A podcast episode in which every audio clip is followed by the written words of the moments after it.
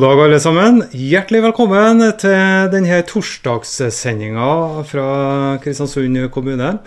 Ja, Vi har disse sendingene i forbindelse med den pågående koronasituasjonen. Hatt det to dager i uke. Nå skal vi ta oss og kutte ned litt på frekvensen etter dagens uke, så da blir det én dag i uka etter hvert, da, med mindre situasjonen tilsier at vi skal gå opp i frekvensen. Det får vi nå se da, hvordan tida blir. Men nå først altså ei sending i uka etter dagens uh, sending. Ja, denne sendinga den hører du enten på radio KSU247, eller så sitter du og kikker på en uh, PC-skjerm, en laptop eller på mobiltelefonen din, og da gjør du det via Tidens Grav sine nettsider. Det snør, det snør til tidlig bom Ja, nå skal jeg kanskje ikke synge så veldig mye, ja, men det er ikke mye som minner om kom mai, du skjønner milde ut, i hvert fall.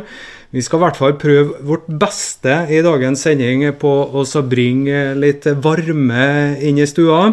For i dag så skal vi prate om blomster og bier, hadde jeg nær sagt. Kanskje ikke det, men eh, vi skal ha Henning Sommerå med oss, og han har jo tross alt skrevet melodi til en av våre aller fineste vårsanger.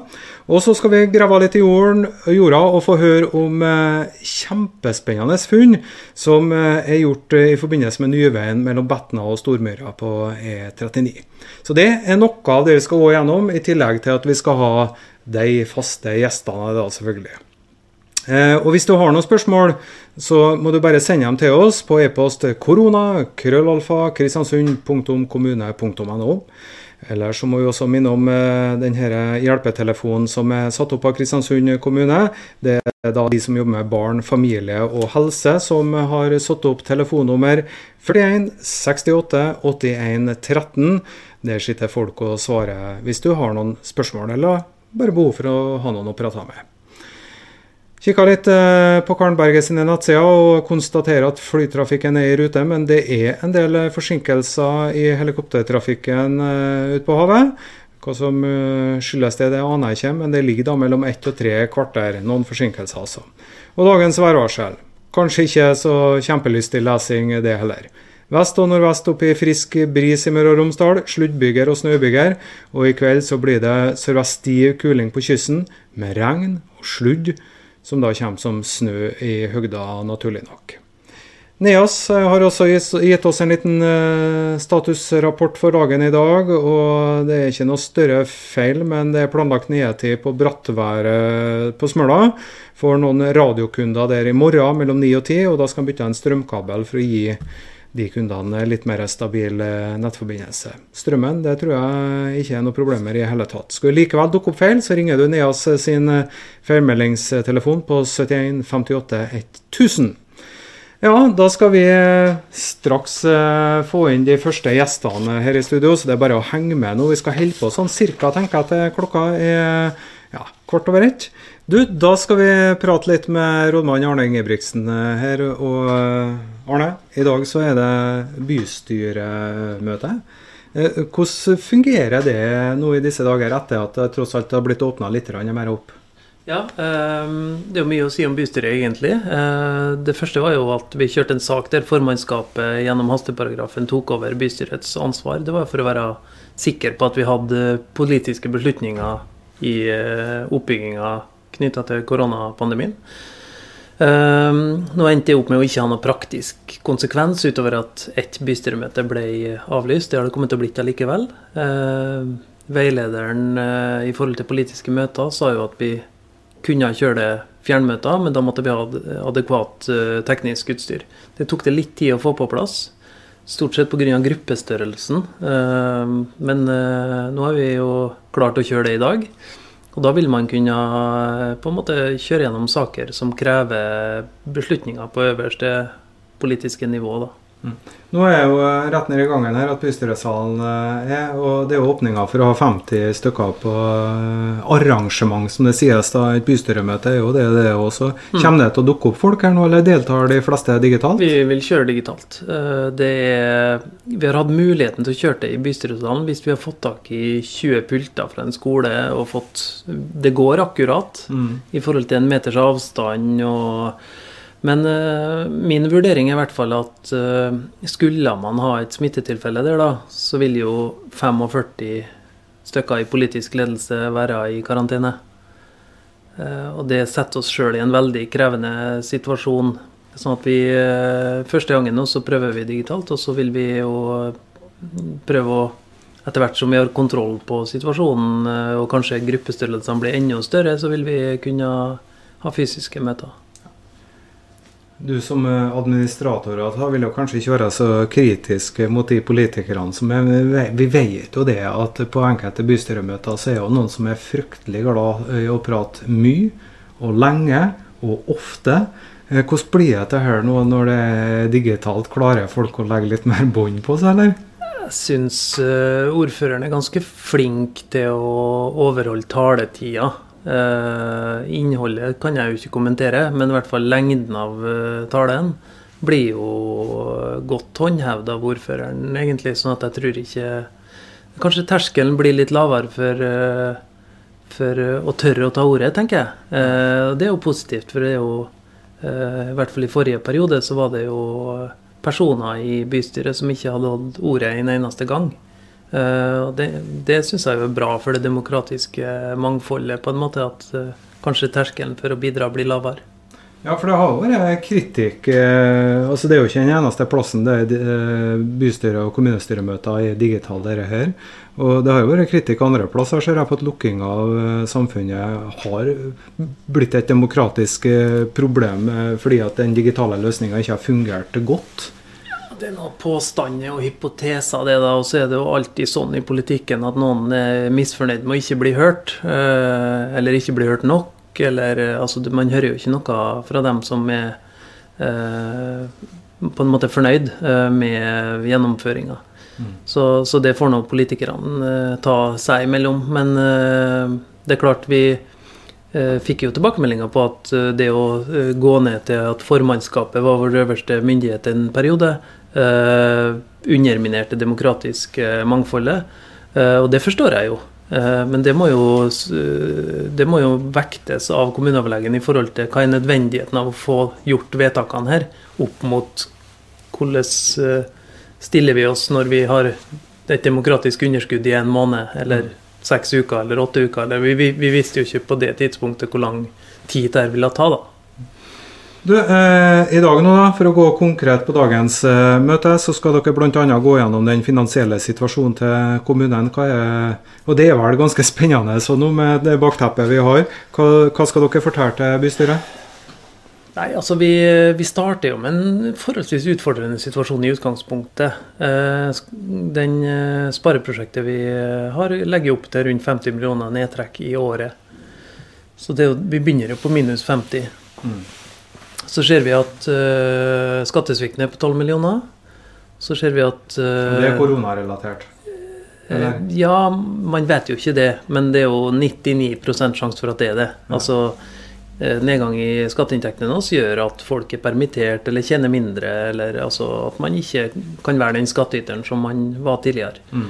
Det er etter all sannsynlighet veldig koronarelatert. Også kanskje litt oljeprisrelatert, men som igjen er koronarelatert. Mm. ikke sant? Eh, ja. Delvis, ikke, ikke fullt ut. Um, den tolvmillioneren kommer jo på toppen og vil gå utover på en måte kommunale tjenestetilbudet. Um, for det må vi jo ha inndekning på på en eller annen måte. Vi har ikke lov til bevisst å gå i minus. Um, og så kommer jo på en måte nyhetene fra i går eh, om redningsplanken som vi hoppa på fra regjeringa, sånn som næringslivet har opplevd. Og den var vel mer eller mindre på null. Altså, De mener vi skal legge eh, endring i lønns- og prisvekst til grunn. Altså kommunen får litt lavere kostnader. Lønnsoppgjøret blir billigere, og da får vi tilbake det som vi eventuelt har hatt av ekstrakostnader. Jeg var akkurat forholdsvis høylytt i uh, Møre og Romsdal sitt kommunedirektørutvalgsmøte nå og gjennomførte et vedtak uh, der i forhold til hvordan vi skal fronte dette nasjonalt. Uh, det blir jo helt feil hvis man skal bruke Altså dem som har stått på nå for oss i den perioden her, og på en måte representere de ekstrakostnadene, skal komme til høsten, og man skal bruke lønnsoppgjøret deres som en salderingspost for kommunale ekstrautgifter. det, det, det, blir jo helt feil. Jeg nekter jo å stå i den situasjonen. Så regjeringa må jo komme på banen, og de må tilnærme seg KS sine anslag mye mer. Altså Nå er KS på 22 millioner, nei, milliarder, og regjeringa er på en par.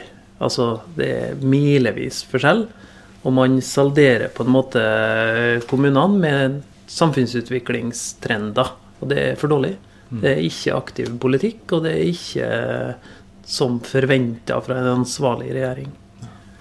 Nei, men eh, det å stå på ekstra for de som tross alt har strukket seg ganske langt i denne situasjonen av dine ansatte, det tror jeg nok de setter pris på også. Ja. Og da tenker de fleste kanskje på sykepleiere. Men tenk deg skolen, som har hyvd seg rundt, kjører hjemmeundervisning, kjører delte klasser, opplegg altså, Det er ikke sånn at det er de 800 i pleie og omsorger som har hatt det store trykket. Det er også de 300 i oppvekstsektoren. Mm. Uh, og selvfølgelig, vi har på kommunalteknikk uh, så har de stilt med personell for å kjøre prøvesvar til mikrobiologen. Altså, alle har jo mobilisert sammen her. Og hvis man da skal stå her i høst med Nei, jeg ble null, gitt. Altså, det er en ekstremt krevende situasjon. Pluss at hun også er ganske attraktiv arbeidskraft som uh, antagelig lett finner seg arbeid andre plasser om de skulle ønske det. Ikke sånn som uh, næringslivets tilstand er akkurat nå, men i høst så håper vi at det er opp og går på gamle høyder igjen. da. Mm. Ja, Det krysser vi jo fingrene for alle mann. Tusen takk for at du kom inn i studio og har et godt eh, bystyremøte. takk for det. Ja. Vi har fått med oss eh, kommuneoverlegen og Askild eh, Sandvik. og Vi må ta det formelle først til Askild. Har det blitt oppdaga noe ny koronasmitte i Kristiansund den siste tida? Nei, heldigvis ikke. Ingen nye tilfeller. Uh, og det er vi godt fornøyd med. Mm. Uh, vi tester en del, men kanskje ikke så mye som vi har uh, trodd. Men Det er liten økning av, av, av, testing, men det er ingen positive tilfeller. Så det er sånn sett en stabil situasjon. Mye av tida nå går på veiledning og, og hjelpe virksomheter til å ja, forholde seg til ulike veiledere. og Eh, og hvordan man skal håndtere koronasituasjonen. I dag så har vi en runde rundt på ulike frisører. Eh, så akkurat nå er smittevernteamet rundt på, på, en veiledningsrunde for å bistå frisørene eh, i hvordan man skal forholde seg, de skal forholde seg til sitt ja. koronaregelverk. Ja. Jeg ser jo det at enkelte frisører nå på mm. inngangsdøra har bestått smittevernskurs, og at de eh, reklamerer med at her er ting på stell. De har bestått obligatorisk kurs, og på flere plasser vi har vært nå, så har de på en måte hengt opp det for å, for å, for å bevise det. Og har veldig synlige og tydelige smittevernrutiner. Så de plassene som jeg har vært i dag, jeg har bare vært på to plasser. Eh, men eh, det er flere som har gjort andre, andre tilsyn, så det var meget, så det meget bra ut. Ja. Mm. Noen som sliter litt mer kanskje med å ta smittevernet på alvor, det er dessverre russen. Starta bra, men så vi som bor f.eks. i nærheten av Sankthanshaugen, hørte jo det at det i går var full fest. Mm, ja, det går rykter om, eller mer enn rykter om det. Jeg har også sett en del bilder og fra, fra, festen i går, og det har kommet inn en del klager fra kommunalt ansatte. Sånn at uh, det her er en sak som vi skal se på nå rett etter sending hvordan vi skal forholde oss til russen. For hos russen så gjelder reglene eh, om 20 eh, personer og 1 meters avstand. Eh, og det har vært ting som tyder på at det her har sklidd ut, da. Mm. Ja. Men eh, hva, hva, hva, er det verste som altså, hva er det verste som kan skje for russen? Nå snakker jeg ikke nødvendigvis om at de blir syke, det er jo det verste som skjer. Men, men eh, hvis de ikke ordner opp i Tano, hva kan dere gjøre da i forhold til dem? Det skal vi diskutere nå på et møte om hvilke tiltak som er nødvendige å, å sette inn. Men det er klart at Eh, vi er ikke helt fornøyd med det som har foregått her. Jeg må jo, jeg må jo på en måte si, uten at jeg har vært der og uten at jeg har sett noen noe filmer av det, så virker det som om man ikke tar helt de nasjonale retningslinjene her uh, innover seg. Og Det er klart at det som blir vanskelig for oss i sånne tilfeller, er hvis vi får positive prøvesvar, og så skal vi på en måte eh, finne ut hvem som har vært smitta, og hvem som har vært der, og hvem som har vært eksponert. Ja, hvem har vært i teltet eh, nå, ikke sant? Slik at sånn type telt som eh, medfører sammenstimling av folk, det eh, det kan se ut som det er vanskelig å overholde retningslinjene for eh, russen her, og det er ikke bra. Ja, og Hva bør russen gjøre nå for å ha ei så smittefri russefeiring som mulig i tida som kommer? Russen må være flink i forhold til gruppestørrelse, avstand, håndhygiene og prøve å holde igjen litt på fludiumen, sånn at man, uh, man klarer å overholde smittevernreglene og fortsatt ta del i den nasjonale dugnaden. Det er, det er fortsatt ikke tida for massesammenstimling og full fest her. Ja, Det er vel det som ligger litt i bunnen her òg, at når man blir litt for eh, beruset, så er det litt lett å glemme sånne ting, kanskje? Blir man mer ukritisk? Mm. Mm. Ja, det er vel kjent med alle generasjoner, tror jeg, som har vært der en gang i tida. Men det er kanskje ekstra viktig nå da, å være påslått også for russen i den situasjonen vi er i. Det er viktig. Ja. Du, jeg har lyst til å gå tilbake til det du begynte å snakke om først. da. Det var det med at dere eh, tester kanskje litt færre enn det dere trodde i utgangspunktet, selv om mm. det er en svak økning. Tester de nå alle som har symptomer på luftveisproblematikk? Ja, og som tar kontakt, og i hvert fall liksom hadde mer enn to dager. Ja det, det, det, er ofte at man sier at alle med luftveissymptomer er over to dager. Men det er klart at i spesielle situasjoner så kan du jo teste raskere. Ja. Uh, Ønsker vi at flere kanskje senker terskelen sin for å ta kontakt? Ja, jeg tenker det. Altså Skal vi vite hvordan åpninga av samfunnet her går nå, så må vi teste, teste og teste. Uh, sånn at vi er litt betenkt at vi tar litt lite prøver. Vi burde ha tatt litt mer. Men, men vi ser at volumet er økende, altså. Men, uh, men, men jeg syns fortsatt fortsatt det er lavt mulig. Det sitter igjen der at vi har vært så flinke så lenge at vi har på en måte knekt veldig mye av det som uh, infeksjonene som, uh, som, som fer rundt omkring. Mm. Ja, ja. Mm. Så vi er rett og slett uh, friskere enn vi har vært på lang, lang tid? Ja, kanskje. Ja, Merkelige mm. saker, men det henger jo litt i hop. Vi mm. holder jo den avstanden, stort sett de fleste av oss. da. Ja, men da tar vi den oppfordringa videre. Vi, takk skal du ha, kommuneoverlege Asgeir Sandvik, for at du kom i studio. og, og Oppfordringa er så enkel. Har du et par dager med at du går og er litt uh, tufs, at du ikke føler deg i formen og at det er luftveisrelatert, så ta kontakt med, med lege. Ring, og så blir du også testa. Du, eh, på E39 mellom Betna og Stormyra så vet vi jo at der kommer det en ny, flott vei etter hvert. Vi ser jo det at Statens vegvesen er i ferd med å rigge opp eh, sitt brakkeanlegg. Og det var rett før eh, utgravinga starter i skikkelig stort måned nå. Men før det skjer, så er det jo arkeologene som må på plass for å se om de finner noe spennende på de stedene som det skal være industrianlegg etter hvert. Uh, og nå så skal vi se en video vi, som NTNU og det miljøet der har laga, som viser noe av de funnene som er gjort i forbindelse med utbygginga. A house for the dead. Archaeologists have unearthed a Viking Age mortuary house which gives us a glimpse into how the Vikings dealt with their deceased relatives. Houses like these are rare, and little is known about why the Vikings built them into certain burial mounds and not others. The NTNU University Museum is conducting a large excavation of an Iron Age farm and gravefield in preparation for road improvements to the E39 highway near Vinjefjord in central Norway. The gravefield has been plowed during centuries of farming and is no longer visible above ground, but everything that was once dug deep into the ground has left a trace. Archaeologists can use these clues to learn more about the prehistory of the area. The mortuary house, found at Vinjeøra, consists of a small building that stood inside one of the large burial mounds. The house had corner posts and walls that were made of standing planks. From other locations, it's known that these houses could have been big enough inside for a man to stand upright, but also small enough that there was just room for the corpse and perhaps some grave goods. Viking age mortuary houses are rare finds in Norway. They did remain in use in Sami culture until modern times. Still, archaeologists can't automatically interpret the Sami and the Viking Age mortuary houses in the same way. It is possible that they had a practical function, such as a place to store the corpse until the ground thawed so the deceased could be buried. If that were true, however, it is rather strange that the house was incorporated into the burial mound itself. Another interpretation is to think of them as a house for the dead.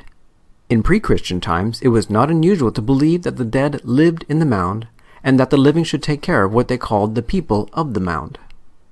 This would involve bringing them gifts and food, so that in return they would ensure that crops were good and that both animals and humans were fertile. People may have believed that if the deceased had their own house in the mound, there would be a greater chance that they would stay there instead of wandering around tormenting people. It's interesting to imagine that building a house for the deceased could help ensure that they stayed on the farm to take care of the family forever. This is in stark contrast to boat graves, which have been interpreted as giving the deceased a boat that they could use to travel to the land of the dead. Unfortunately, there is nothing left of the grave that archaeologists think was inside the mortuary house at Vinjeøra. What is known, however, is that this kind of grave was reserved for society's upper classes, much like boat graves and expensive grave goods. Thus, little is known about why the mortuary house was built there. Perhaps this grave was reserved for a person who was thought to have a special ability to protect the family. Or does the house speak of a need to make sure that the person in the grave doesn't return and torment people forever? Det var fra NTNU sin eh, video det, som viser da et av de funnene som er gjort. eh, Og det er jo et spennende område å grave i til dette der. Og vi skal nå eh, til Vinjeøra og til deg, Raymond Svars i NTNU.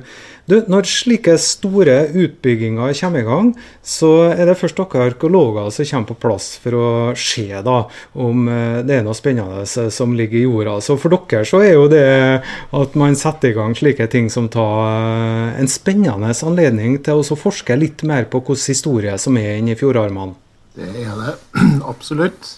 Det, eh, det er jo ikke så ofte man får sjansen til å gjøre så store arkeologiske undersøkelser som det vi holder på med her. da.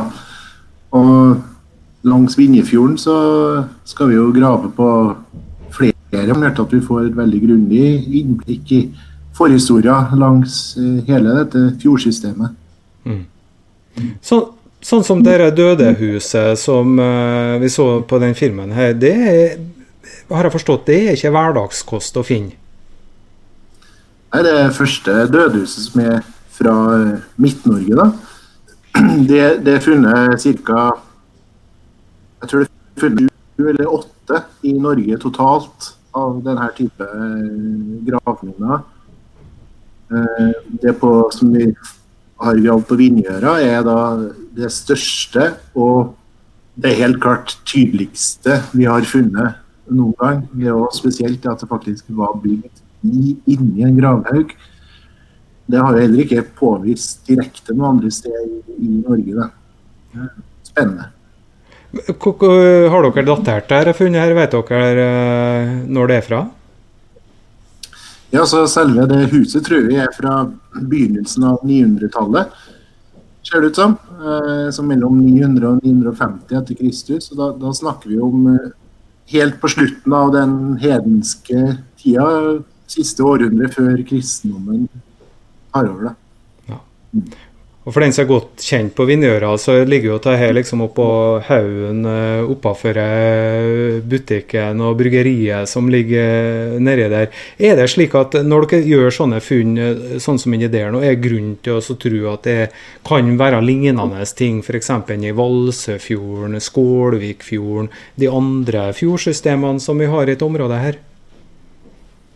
Ja, det tror jeg absolutt. Altså, eh, mange av de bosettingene og bygdene som, vi, som finnes i dag, har jo røtter tilbake til jernalder. Og, og eh, eh, vi gjør jo f.eks.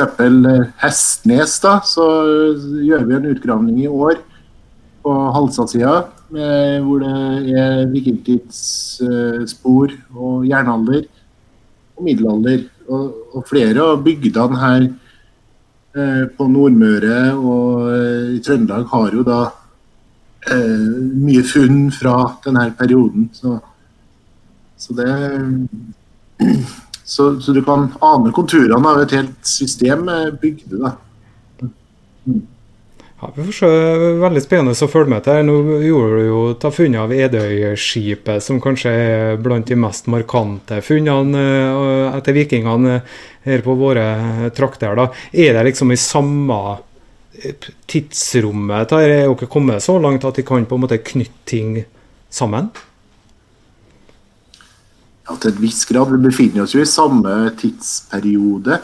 Nå har vi jo ikke gjort noe utgravninger i Edøyskipet ennå, så vi vet jo egentlig ikke hvor gammelt det er. Vi vet sannsynligvis at det er fra 600 til 1000 etter Kristus, altså, mm. men det er en 400-årsperiode. da. Men altså, det er jo en del av samme system, og alt, alle her har jo vært i kontakt med hverandre. Uh, og det er jo selvfølgelig fjordene og leia og havet er jo det som har bundet samfunnene veien som det vi bygger i dag, den eh, var nok ganske underordna i det her samfunnet. Det var fjordene og leia som var veien. Ja. Det var jo uh, fylkesveiene og riksveiene på den tida. det. Du, nå skal vi se bilder av en keltisk brosje som dere også har uh, funnet. Hva kan du fortelle om uh, akkurat den vi ser på skjermen her nå? Jo, den er funnet i en grav her på Vindgjøra, som vi undersøkte som vi gravde ut i, i høst, i 2019. Eh, det en eh, Det vi ser nå, er et keltisk beslag fra, fra Irland. Det var En gang så var det et uh, seletøy, en del av et seletøy til en velstående person i det irske samfunnet, med forgylling og det hele. Og så har det på et tidspunkt da kommet med gjennom vikingferdene, kanskje plyndra, og kommet hit til Vinjøra, hvor det har blitt gjort om til et smykke. Og i den grava så var det da plassert i halsgropa og en kvinne som er gravlagt i en båt. Så da har det kommet hit, da.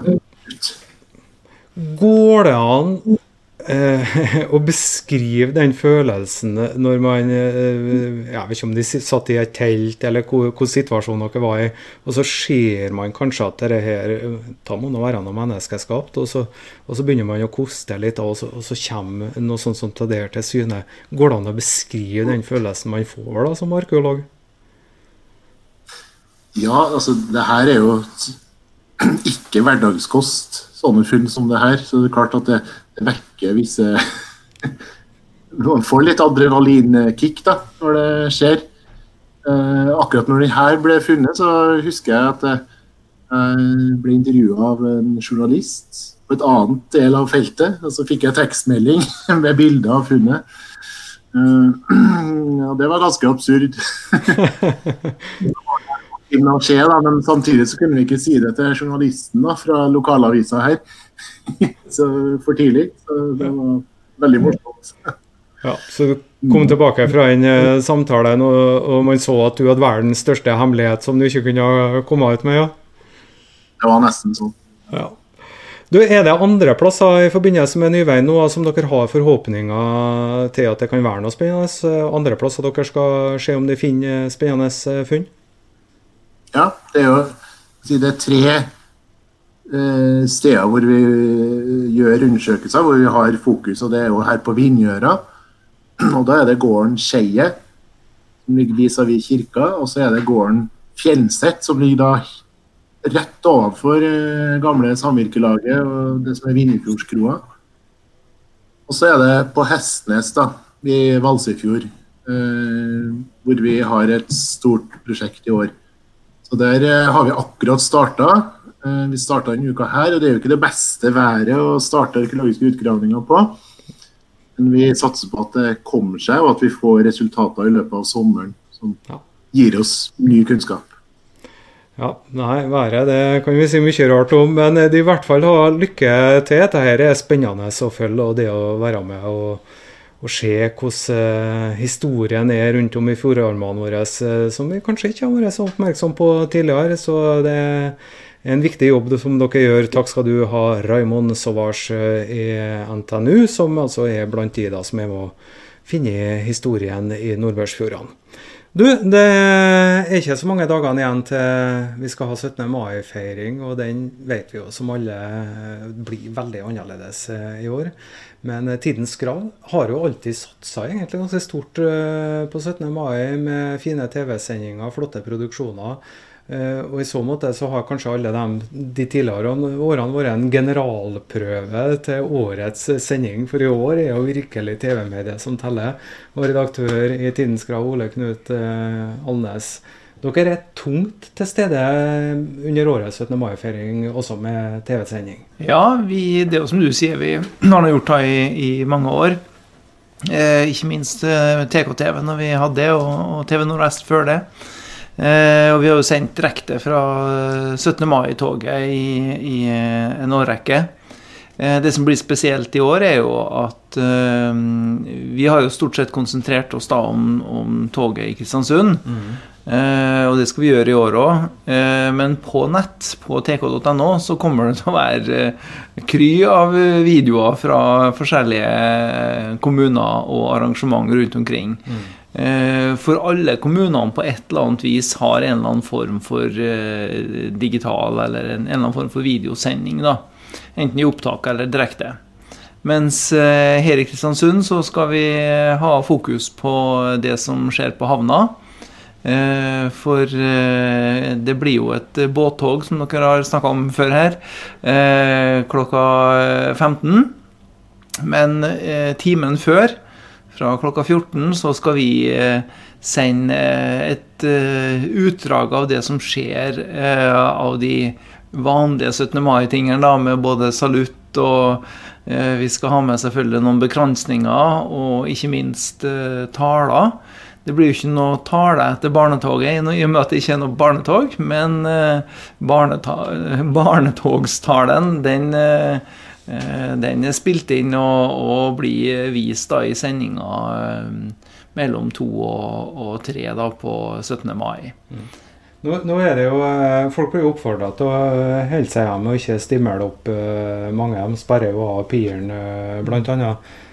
Så da er jo liksom det her som teller. da, Det å kunne sette seg ned foran TV-skjermen, dataskjermen og kikke på sendinga fra dere. Ja, men jeg tror det er litt sånn som du sier, det blir veldig annerledes. Og jeg tror eh, Vi har jo en, en har spurt folk hva de skal gjøre, og det er klart at, eh, og hva de bruker å gjøre. Eh, de aller, aller fleste bruker jo å se på et eller annet tog, eller være med på et, et av togene. Mm. Men i år så har omtrent alle sagt at de skal se noe på nett. da.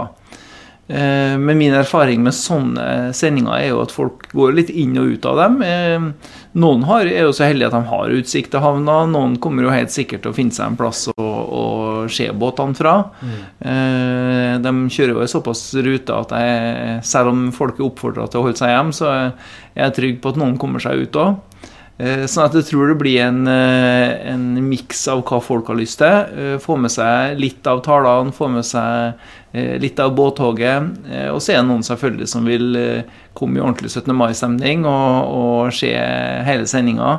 Og det er jo det som er poenget vårt. Vi ønsker å skape en så god 17. mai-stemning som mulig. Mm. Det er vanskelig å få til felles hurrarop og, og issalg og ballonger osv. Men ispedd i sendinga så har vi både korps og vi har eh, drilloppvisninger visninger mange plasser rundt omkring i byen. Eh, vi har selvfølgelig musikk, eh, sang. Eh, sånn at vi må skape den stemninga, være med og bidra til at folk får den 17. Eh, mai-følelsen og litt det fellesskapet. Kan jo godt hende dette her ender opp med å bli en sånn ganske bra greie òg. Kanskje ikke helt den øh, uh, kjempegod erstatning for den virkelige tingen, men, men, at det blir liksom noe annerledes og noe som fungerer godt for folk, og noe som folk kommer til å huske resten av livet? Ja, det tror jeg. Jeg tror jo at de, Særlig de som skal engasjere seg og være med i båttoget, og som på en måte vil sette pris på det. Mm. Eh, samtidig så er jeg jo litt, sånn, litt bekymra for eh, barna, for vi sier jo at 17. mai er barnas dag. Eh, det tror jeg familiene må trå til sjøl og, og, og, bidra til det. For det, det, blir jo ikke noe leker eller det blir ikke noe issalg. Altså det, det, blir på en måte en helt uh, annerledes opplevelse for familiene. da. Ja. Uh, men jeg tror at eh, for vår del, som skal på en måte dekke hele 17. mai for hele Nordmøre, utenom også den hovedsendinga, så tror jeg vi vil komme til å få mange innspill, mange bilder, mange Kanskje noen videosnutter, kanskje noen sender oss noen dikt. Ja, hele den derre totalpakken da, som vi skal servere på, på nett i løpet av 17. mai, den er vi spent på. Nå er det jo eh, fotballkommentator, kommentator, sportsjournalist Rune Hedøy som skal kommentere dette her. Eh, kanskje folk kan sende inn eh, potetvideoer, potetløpvideoer og sekkeløp og sånne ting, så kan en eh, ta det på strak arm. Rune Rune hadde kommet til å tatt det på strak arm, men vi skal passe på at sendinga blir tett og severdig, sånn at programmet er nok ganske lagt allerede. Men vi kommer til å ta inn en del leservideoer og sånne ting. Ja. Ikke i sendinga, men på tk.no. Ja, så tror jeg, Siden du nevner han, da, så tror jeg at det kan bli litt spennende kommentering. For det er ikke alle de eh, båtene som skal ut og kjøre på søndag, som har kjørt i kortesje før. Nei. Eh, så det kan jo bli noen interessante eh, scener å kommentere. Det, det, tar jeg for gitt. Ja. Du føler ikke at du tar en rimelig stor sjanse med å kjøre Rune som kommentator, da, når, når f.eks. Ideal seiler forbi, og at han blir så emosjonell at han tar til tårene?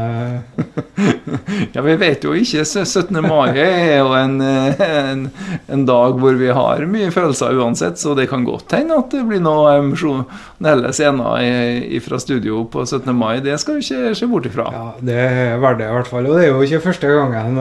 Så Rune, det er lov til å, å gråte en liten skvett. Det er helt innafor det.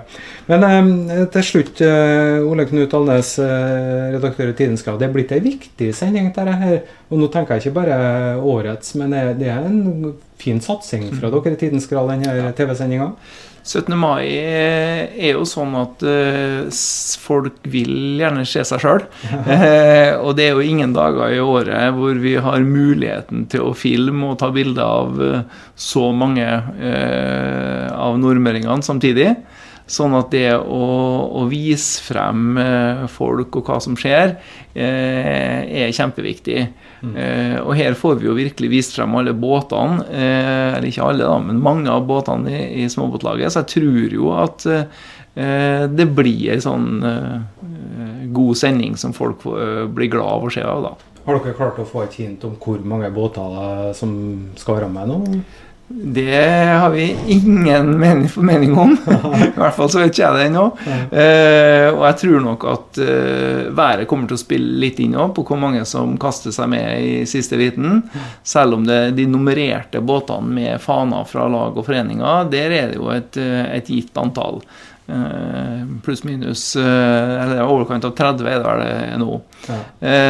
Men i tillegg så tror jeg det kommer til å være med mange andre båter. I hvert fall nå når vi ser at eh, sola kanskje kommer til å eh, vise seg frem på, på 17. Ja.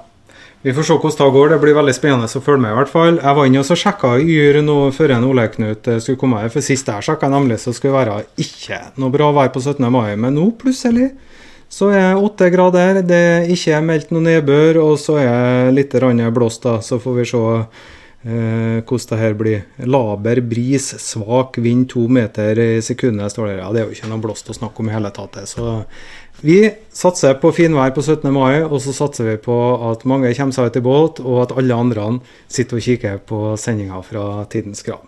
Så dette blir garantert en eh, fin opplevelse å få med seg. Du, eh, vi har snakka om været mye. Det er mange som syns det er begredelig vær i disse dager. Men de som antagelig sliter mest, da, det er jo de som holder på ute i hagen. Vi har fått besøk i studio av bygartner Lauritz Alan Skjølseth. Ja, ta først, Vi blir jo like overraska hvert år over at det snør på noe tider, men det gjør jo det nesten hvert eneste år òg.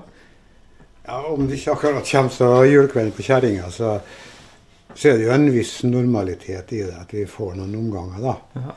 Men eh, jeg må nok si at jeg, jeg har vært gartner i over 60 år.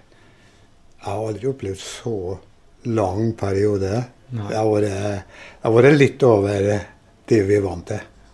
Så bare si det, øh, øh, Når du kom inn i studiet her nå Det lukter litt sånn deilig sagma, kjenner jeg?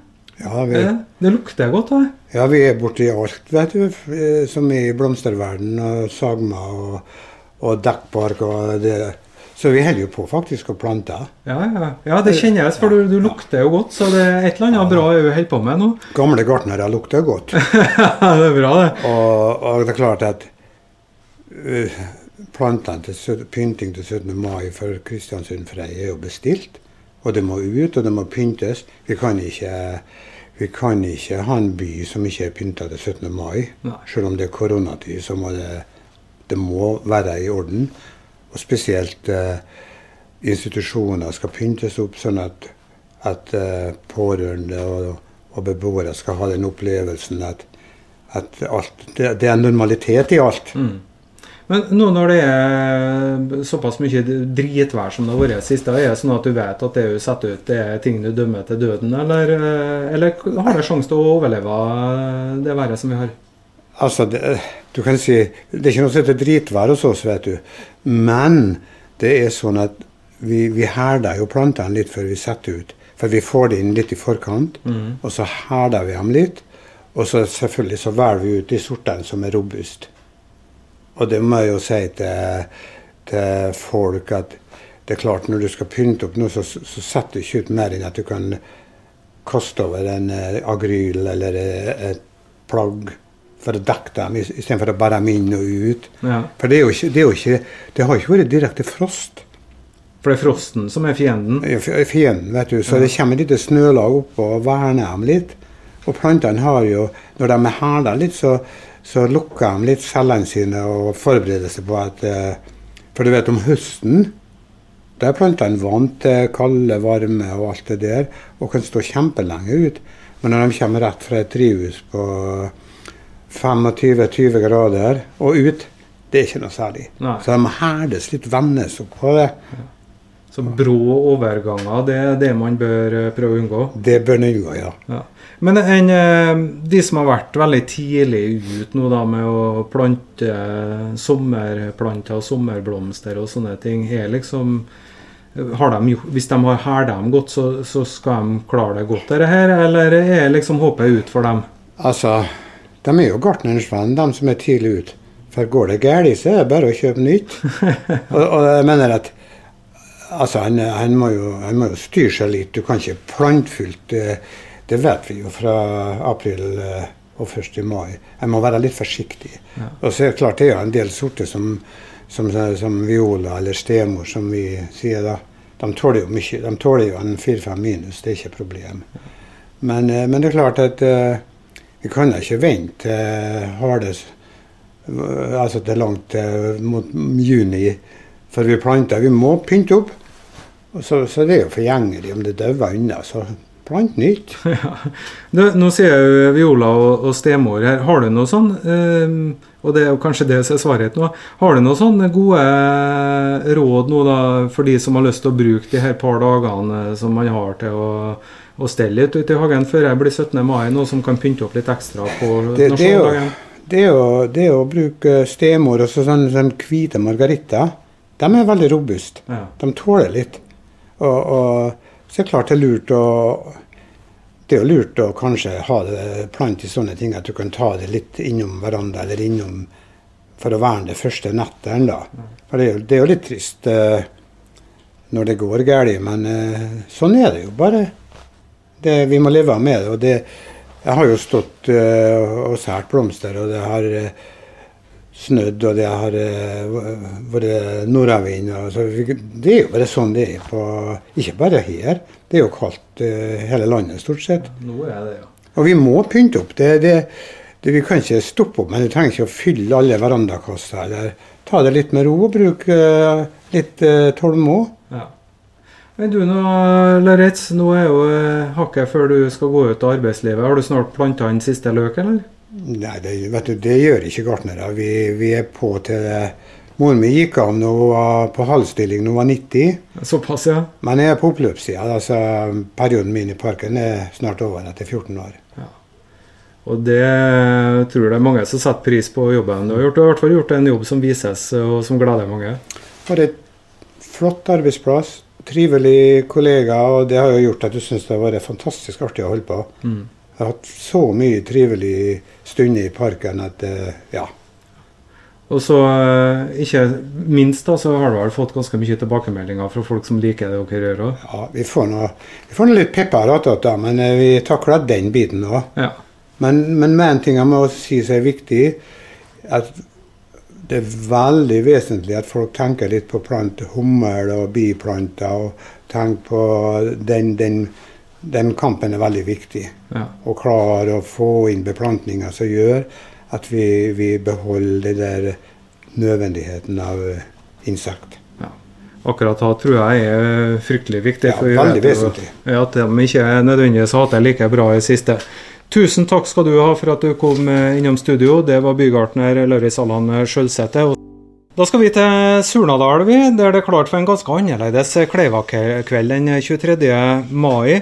Naturlig nok så er det noen koronakriser som eh, setter sine begrensninger. Men Anders Larsen, det er ikke bare korona som eh, stikker litt eh, kjepper i hjulene i år, forstår jeg? Nei da, det, er nå litt vær- og føreforhold òg, kan en si mildt. Ja, det- vi ser at det har blitt grønn, men den er nå dekket av snø, så vi valgte å flytte Klævakullen inn. Rett og slett. Ja, og det var ikke noe å ta sjanse på heller, for det har kommet så mye snø i det siste at, eh, at eh, det var kanskje ikke så mye tankevirksomhet som skulle til heller for å gjøre den beslutninga. Nei, det var en ganske lett beslutning. og de aller, Absolutt alle involverte ble ganske så glad når de fikk melding om at vi flytta inn. Ja. Ja. Så det var... Du, det blir jo et litt annerledes arrangement uansett det her, da. fordi de, vi har jo sett uh, hvor fint det er, er oppå her med alle publikummerne som sitter, og utsikten over Surnadal og sånne ting.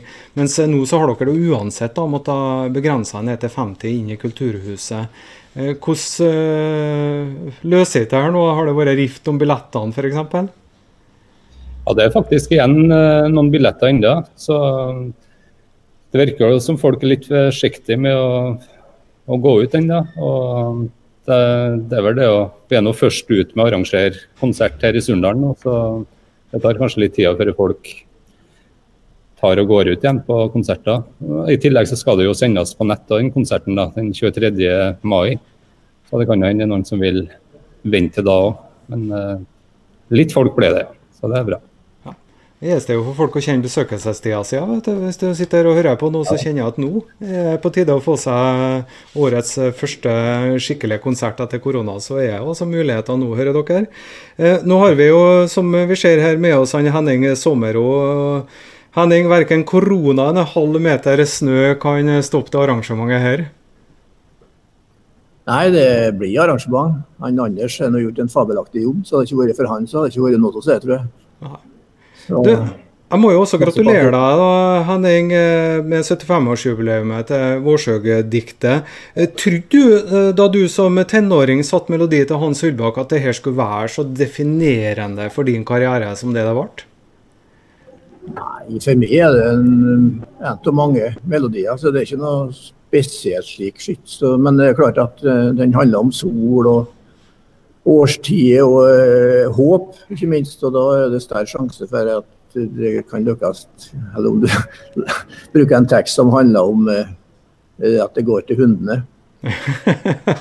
Ja, Kanskje det vi ser nå etter, etter koronagreiene her. Du har, ikke, du har ikke kjent inspirasjonen komme til å skrive noe om det, eller? Nei. Og, når, og når jeg laga den melodien her eh, i 1971, så visste jeg ikke at Hans Ullbakk har skrevet denne teksten i 1945. Det var faktisk noen år etterpå jeg fikk greie på det. Ja, ja det ser jeg Ja. ikke noe på fred i det akkurat da, men teksten i seg sjøl er jo det han er. så var. Så det, Hvis det er noen som skal takkes der, så er det jo teksten. Ja, jeg tenker vel at eh, det skal takkes eh, til både til deg og til han som har skrevet teksten også. Men du, eh, Kleiva-prisen skal jo deles ut eh, også. Du var jo den første som, eh, som fikk den. Eh, Er det sånn at du sitter med litt sånn inside eh, information, for å si det på godt norsk, her på hvem som eh, drar i land årets eh, gjevepris, da? Nei, da må det være en Anders, tror jeg. Han, er- er daglig leder, så han er mye mer i kontakt med i, i hø, høye herrene og damene i bygda.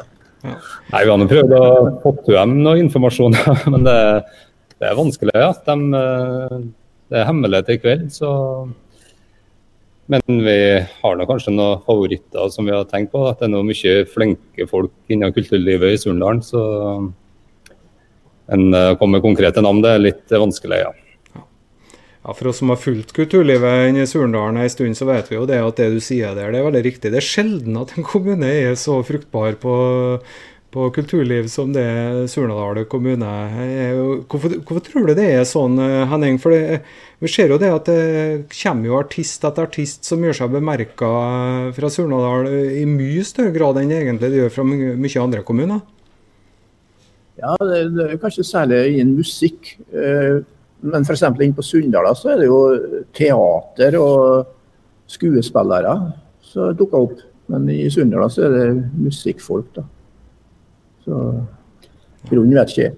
Jeg kan jo ta på meg litt den andre hatten min òg, som uh, fiolinist. og det er nok klart han Henning han har vært en stor inspirator for oss som har valgt å utdanne oss og leve et liv som profesjonelle musikere. Og at vi har hatt en Henning som har gått opp veien, det, det har nå vært viktig for mange av oss. i hvert fall. For det er det meste av 20 profesjonelle musikere fra Surndalen, og det er ganske spesielt. Ja, men for min del da, så var det jo f.eks. far hans Anders, han betydde noe for meg. Og en som heter Gunnar Vik, som organist inne i Sunndala. Og, ellers på Nordmøre så var jeg litt inspirert av den gamle Edvard Brein. Så fikk jeg høre at han har en sønn nå, at det her er jo en god del eldre folk av det, da, men eh, de var nå med å sette en spore. Og den uh, sporen den uh, ser vi nå da slått ut i full blomst, i hvert fall. Uh, for å gå tilbake nå da til dagens arrangement, som igjen da skal vises den 23. mai. Hva er det vi får se på scenen i dag og 23. mai? Nei, eh, det er noe viktig, og selv om Klævakvelden ble flytta inn, at vi tar med oss en del av det tradisjonelle postene. som F.eks. Henning og uh, Jon Pål Lindeberg. Jon Pål har vel vært på mest av hver årsakshelg, så han er nå egentlig surndaling, han da. Ja.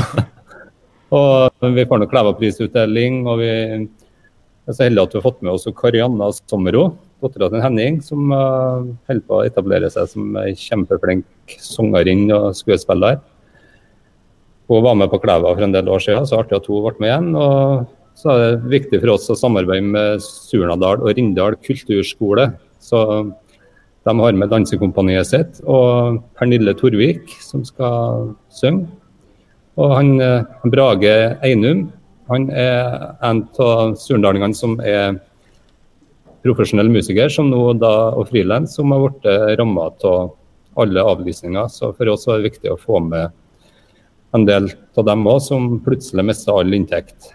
Og Den kategorien kommer jo og Jo Inge Næss, som er Møre-musiker, og som har hatt en litt spesiell tid nå. Um, så det er å få ting til å skje, både for artister, arrangør og publikum. Skal vi prøve å dra fram litt av den gamle Exis-plassen sin historie? Det var slik tambutradisjon i Sunndal. Hans Ylbakk var kjølig opptatt av det og eh, kjølig få som vet noe særlig om en nei, tradisjonen. tradisjon. Og de har gått bort, dem som eventuelt visste litt òg. Men vi skal litt, se litt og høre litt på hva det var for noe i tillegg.